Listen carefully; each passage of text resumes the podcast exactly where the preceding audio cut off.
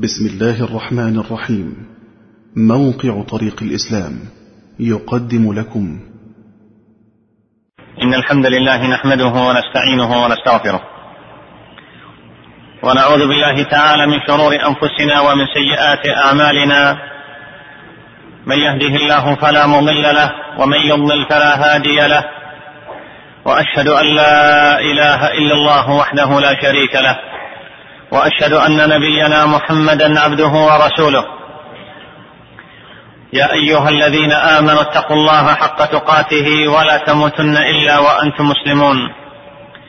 يا أيها الناس اتقوا ربكم الذي خلقكم من نفس واحدة وخلق منها زوجها وبث منهما رجالا كثيرا ونساء واتقوا الله الذي تساءلون به والأرحام. إن الله كان عليكم رقيبا. يا أيها الذين آمنوا اتقوا الله وقولوا قولا سديدا يصلح لكم أعمالكم ويغفر لكم ذنوبكم ومن يطع الله ورسوله فقد فاز فوزا عظيما. أما بعد أيها المسلم أرأيت لو كانت لديك آنية من زجاج نظيفة لامعة ثم تعرضت هذه الزجاجة للأتربة حتى اغبرت وانطفأ بريقها فعالجتها بالمسح والتنظيف فعاد إليها رواؤها ورونقها. ما كان أسهل ذلك عليك. ثم أرى ثم أرأيت لو أنك أهملتها حتى تراكمت الأتربة وتحجرت واستمسكت فصار من العسير عليك حينئذ تنظيفها. إلا أن تقسو عليها في التنظيف قسوة قد تحدث فيها خدشا لا تمحوه الأيام. كذلك أيها الأحبة هي القلوب. تحمل على من حولها الشيء بعد الشيء من الغضب أو الحقد أو الحسد. فإذا بادر أصحابها بتنقيتها زال كل كدر وعم الصفاء. وسلم الصدر. وإذا أهملوا ذلك تراكمت المواقف وتتابعت المآخذ حتى يصبح في كل قلب على أخيه بغضاء. لا تزول إلا بمعالجة شديدة ربما تركت خدشا لا يمحوه الزمان. إن القلوب إذا تنافر ودها مثل الزجاجة كسرها لا يشعب. إن سلامة الصدر أيها المؤمنون. إن سلامة الصدر سلامته من كل غل وحسد وحقد وبغضاء عن المسلمين. وهي من أعظم الخصال وأشرف الخلال. ولا يقوى عليها إلا الرجال. ولقد كان الرسول صلى الله عليه وسلم أحرص الناس على سلامة قلبه. فكان يقول في صلاته عليه الصلاة والسلام اللهم إني أسألك الثبات في الأمر والعزيمة على الرشد وأسألك شكر نعمتك وحسن عبادتك وأسألك قلبا سليما ولسانا صادقا وأسألك من خير ما تعلم وأعوذ بك من شر ما تعلم وأستغفرك لما تعلم. وكان يقول صلى الله عليه وسلم فيما رواه عنه ابن مسعود رضي الله عنه لا يبلغني أحد من أصحابي عن أحد شيئا فإني أحب أن أخرج إليكم وأنا سليم الصدر. رواه أبو داود في سننه. إن سلامة الصدر ونقاءه مفتاح المجتمع المتماسك الذي لا تهزه العواصف ولا تؤثر فيه الفتن. وكيف يا ترى؟ وكيف يا ترى يكون مجتمع تسوده الدسائس والفتن؟ وتمتلئ قلوب أفراده غشا وحسدا وأمراضا. أفذاك مجتمع أم غابه وحوش وذئاب؟ لقد قرأت في سيرة المصطفى صلى الله عليه وسلم موقفين يستحقان التأمل والتبصر. الأولى منهما في غزوة الأحزاب. حين أحكم الأعداء قبضتهم وأحاطوا بالمدينة ونقضت قريضة عهدها ولم يكن يحول بينها وبين المسلمين شيء وكان الأمر كما قال الله إذ جاءوكم من فوقكم ومن أسفل منكم وإذ زاغت الأبصار وبلغت القلوب الحناجر وتظنون بالله الظنونا هنالك ابتلي المؤمنون وزلزلوا زلزالا شديدا. في ذلك اليوم العصيب خرج الرسول صلى الله عليه وسلم وبطنه معصوب وهو متطلق الوجه فأخذ المعول وقال بسم الله. وضرب صخرة في الخندق ضربة وقال الله أكبر. أعطيت مفاتيح الشام. والله إني لأنظر قصورها الحمر الساعة. ثم ضرب الثانية. فقال الله أكبر. أعطيت فارس. والله إني لأبصر قصر المدائن الآن. ثم ضرب الثالثة. فقال الله أكبر. أعطيت مفاتيح اليمن. والله إني لأبصر أبواب صنعاء من مكان هذا. هذا موقف. وأما الموقف الآخر فهو عندما مر شاس بن قيس وكان شيخا قد عتى شديد الحسد للمسلمين على نفر من صحابة رسول الله صلى الله عليه وسلم من الأوس والخزرج في مجلس قد جمعهم. فغاضه ما رأى.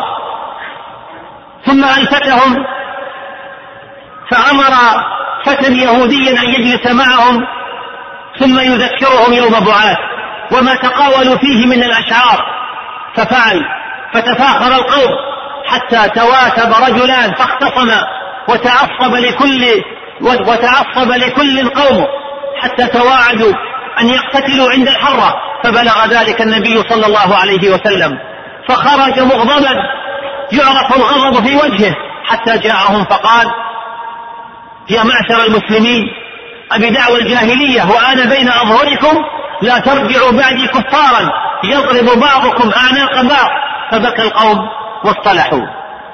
أليس عجيبا أن يخرج النبي صلى الله عليه وسلم راضيا متبسما يوم الخندق رغم شدة الموقف وصعوبته ويغضب كل هذا الغضب لمجرد تواثب بين حيين من المسلمين بل يصف ذلك بأنه كفر. إنه الدرس النبوي البليغ. إذا كانت القلوب سليمة والصف واحدا فليعصف الباطل وليجلب الكفر بخيله ورجله فإن البناء متين. أما إذا اختلفت القلوب وذهب صفاؤها فهذا نذير الشر وأول البلاء ويجب حينئذ الوقوف بحزم أمام هذا الداء. سلامة الصدر يا عباد الله. نعمة ربانية ومنحة إلهية سلامة الصدر من أسباب النصر على الأعداء. قال الله تعالى هو الذي أيدك بنصره وبالمؤمنين وألف بين قلوبهم. فائتلاف قلوب المؤمنين من أسباب النصر التي أيد الله بها رسوله صلى الله عليه وسلم. كما قال ذلك الإمام القرطبي رحمه الله تعالى عند هذه الآية. سلامة الصدر سبب في قبول الأعمال ففي الحديث تعرض الأعمال كل يوم اثنين وخميس فيغفر الله عز وجل في ذلك اليوم لكل امرئ لا يشرك بالله شيئا إلا امرأ كانت بينه وبين أخيه شحناء. فيقول انظروا هذين حتى يصطلحا. فانظر يا رعاك الله كيف يضيع على نفسه من الخير من يحمل في قلبه الأحقاد والضغائن؟ سلامة الصدر. علامة فضل وتشريف. روى ابن ماجة في سننه.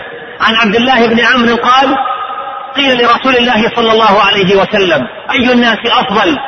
قال كل مخموم القلب صدوق اللسان. قالوا يا رسول الله صدوق اللسان نعرفه. فما مخموم القلب قال هو التقي النقي لا إثم فيه ولا بغي ولا غير ولا حسد. سلامة الصدر صفة من صفات أهل الجنة. قال الله تعالى ونزعنا ما في صدورهم من غل تجري من تحتهم الأنهار. وفي الحديث في وصف أول زمرة تلج الجنة لا اختلاف بينهم ولا تباغض قلوبهم على قلب رجل واحد. سلامة الصدر طريق إلى الجنة أيضا. فقد قال عليه الصلاة والسلام يطلع عليكم الآن رجل من أهل الجنة. فطلع رجل من الأنصار. تنطف لحيته من الوضوء. تكرر ذلك ثلاث مرات في ثلاث أيام. فأحب عبد الله بن عمرو رضي الله عنهما أن يعرف خبيئة هذا الرجل. فبات عنده ثلاثا فلم يره كثير صلاة ولا صيام. فسأله فقال ما هو إلا ما رأيت. غير أني لا أجد في نفسي لأحد من المسلمين غشا ولا أحسد أحدا على خير أعطاه الله إياه. فقال عبد الله هذه التي بلغت بك وهي التي لا نطيق وهي التي لا نطيق. أفرأيت يا عبد الله كيف سمت به سلامة صدره حتى بشر بالجنة ثلاث مرات؟ انظر رعاك الله إلى عظم الأمر. فإذا كان مثل عبد الله بن عمرو وهو من هو وكان يعرف بكثرة العبادة يقول وهي التي لا نطيق فما يقول من دونه؟ وما كانت هذه الكلمة من عبد الله بن عمرو تثبيطا عن هذا الخلق العظيم وإنما كانت بيانا لعظم منزلته وحاجته إلى المجاهدة العظيمة. نعم فالنفوس الكبيرة وحدها وحدها هي القادرة على تجاوز الإساءة ومقابلتها بالإحسان. ومن ثم ومن ثم المحافظة على القلب نقيا والصدر سليما. سلامة الصدر يا عباد الله. معينة للقلب على الخير والبر والطاعة والصلاح. فليس أروح للمرء ولا أفرد للهم ولا أقر للعين من سلامة الصدر على عباد الله المسلمين. سلامة الصدر تقطع سلاسل العيوب وأسباب الذنوب فإن من سلم من سلم صدره وطهر قلبه عن الإرادات الفاسدة والظنون السيئة عف لسانه عن الغيبة والنميمة ومقالة السوء. سلامة الصدر فيها صدق الاقتداء بالنبي صلى الله عليه وسلم فإنه عليه الصلاة والسلام أسلم الناس صدرا وأطيبهم قلبا وأصفاهم سريرا وشواهد هذا في سيرته كثيرة ليس أعظمها أن قومه أدموا وجهه عليه الصلاة والسلام يوم أحد وشجوا رأسه وكسروا رباعيته فكان يمسح الدم عن وجهه ويقول اللهم اغفر لقومي فإنهم لا يعلمون. ضرب الإمام أحمد رحمه الله تعالى في زمن المعتصم ضربا شديدا فلما كان زمن المتوكل أحس الإمام بأذى في ظهره فإذا هي لحمة فاسدة التأم عليها الجرح ولم يكن بد من شق الظهر وإخراجها. قالوا فلما أحس الإمام بألم المفضع وحر الشق قال اللهم اغفر للمعتصم. فيا سبحان الله يستغفر لمن كان سببا في ألمه إنه منطق عظيم لا تعرفه القلوب الضعيفة. والنفوس الصغيرة. لا يحمل الحقد من تسمو به الرتب ولا ينال العلا من طبعه الغضب. ومن قبله كان يوسف عليه الصلاة والسلام مثلا فردا في سلامة الصدر. فبعد أن فعل به إخوانه ما فعلوا وبعد أن صار في منزلة يقدر فيها على الانتقام أبى أن يثأر لنفسه ووفى لإخوته الكيل. ثم قال لهم لا تثريب عليكم اليوم. يغفر الله لكم. فعفى عنهم ثم استغفر لهم. وأعجب من هذا أنه التمس لهم العذر فيما فعلوه من بعد أن نزغ الشيطان بيني وبين إخوتي. ومن قبل ذلك قال هابيل لأخيه وقد هم بقتله وتوعده لئن بسطت إلي يدك لتقتلني ما أنا بباسط يدي إليك لأقتلك إني أخاف الله رب العالمين. وحضرت الوفاة أبا دجانة الأنصاري رضي الله عنه وكان وجهه يتهلل فقيل له في ذلك فقال ما من عمل ما من عمل شيء أوثق عندي من اثنتين كنت لا أتكلم فيما لا يعنيني والأخرى فكان قلبي للمسلمين سليما. وعن الشعبي رحمه الله قال رأى علي بن أبي طالب رضي الله عنه طلحة بن عبيد الله رضي الله عنه رآه في واد ملقا بعد وقعة الجمل التي كانت بين علي رضي الله عنه وبين عائشة وطلحة والزبير رضي الله عنهم جميعا فنزل علي رضي الله عنه فمسح التراب عن وجه طلحة وقال عزيز علي يا أبا محمد أن أراك مجندلا في الأودية تحت نجوم السماء إلى الله أشكو عجري وبجري. ودخل على علي عمران بن طلحة بن عبيد الله فقال له علي إني لأرجو أن يجعلني الله وأباك من الذين قال الله فيهم ونزعنا ما في صدورهم من غل إخوانا على سور متقابلين. ولجأ خصوم ابن تيمية رحمه الله في خصومته حتى أودعوه السجن وضيقوا عليه. فلما مات أحد كبار أعدائه كان ابن تيمية رحمه الله أول من عز أهله بل قال لهم أنا أكون لكم مكانه وحين قال له محبوه ألا تأذن لنا فنؤذي من آذاك؟ قال لهم إني قد أحللت كل من آذاني ولا أحل أحدا آذى أحدا بسببي. ومرض الشافعي رحمه الله تعالى فعاده بعض أصحابه فقال له قوى الله ضعفك. فقال الشافعي لو قوى ضعفي لقتلني. فقال يا إمام والله ما أردت إلا الخير. فقال أعلم أنك لو شتمتني ما أردت إلا الخير. قال صديق لابن السماك موعدنا غدا نتعاتب. فقال له ابن السماك بل موعدنا غدا نتغافر. وهذا وهذا جواب يأخذ بمجامع القلوب. فلماذا التعاتب بين الإخوة؟ كل منهم يطلب من صاحبه أن يكون معصوما أليس التغافر وسلامة الصدر أولى وأطهر وأبرد للقلب؟ أليس جمال الحياة؟ أن تقول لأخيك كلما صافحته رب اغفر لي ولأخي هذا. ثم تضمر في قلبك أنك قد غفرت له تقصيره تجاهك؟ بلى والله. ولله در شاعر راح يمرح ويتغنى ويقول من اليوم تعارفنا ونطوي ما جرى منا.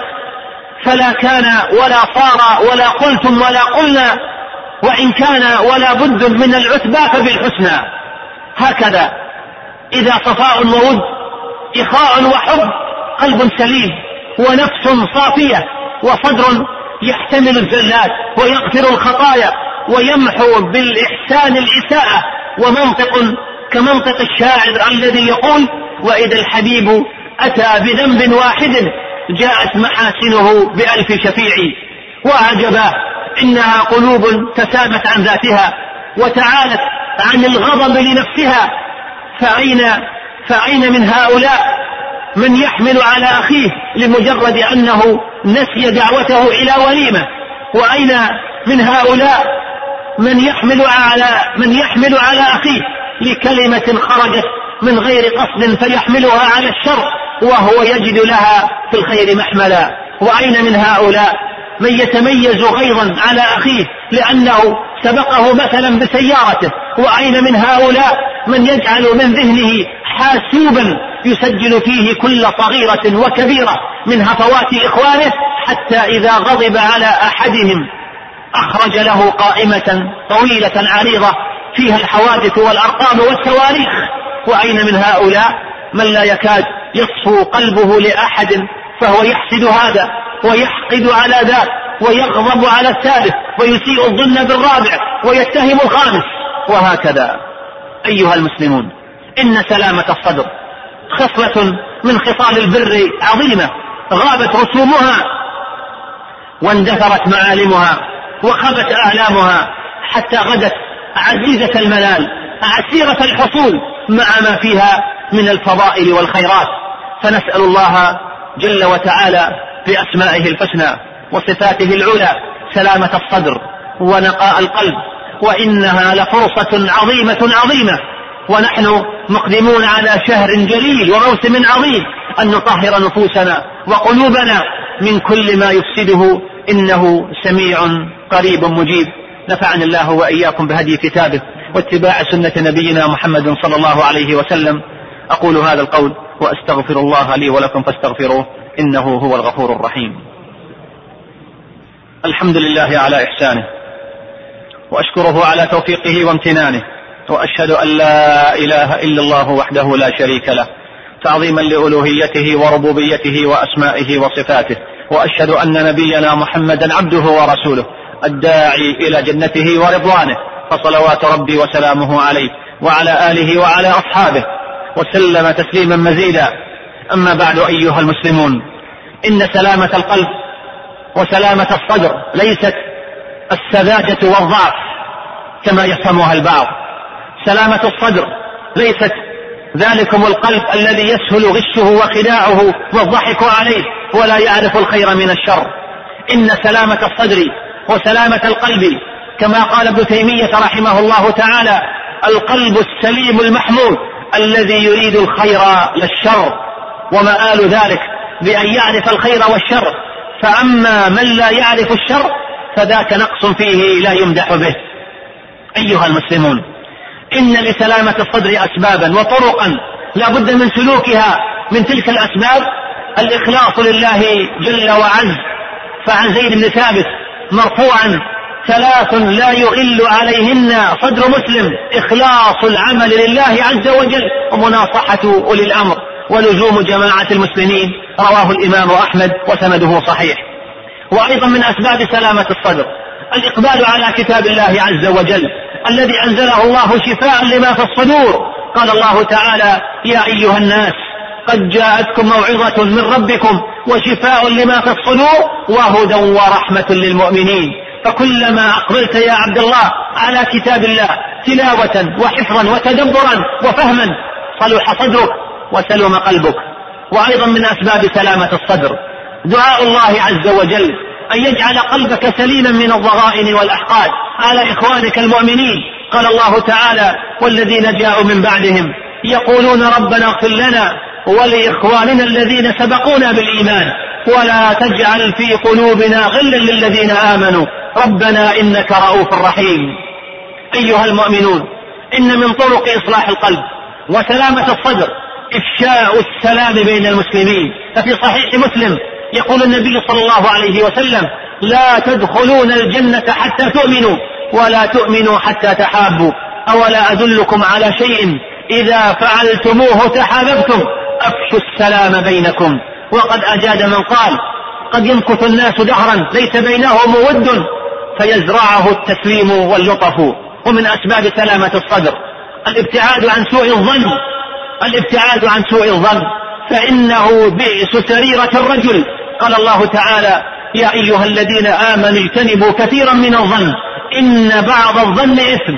وقال النبي صلى الله عليه وسلم إياكم الظن فإن الظن أكذب الحديث. ولا تحسسوا ولا تجسسوا ولا تنافسوا ولا تحاسدوا ولا تباغضوا ولا تدابروا. وكونوا عباد الله إخوانا رواه الشيخان. فانظر كيف بدأ النبي صلى الله عليه وسلم بالنهي عن سوء الظن لأنه الذي عنه تصدر سائر الآفات المذكورة في الحديث. فالواجب عليك يا عبد الله أن تطهر قلبك من سوء الظن ما وجدت إلى ذلك سبيلا.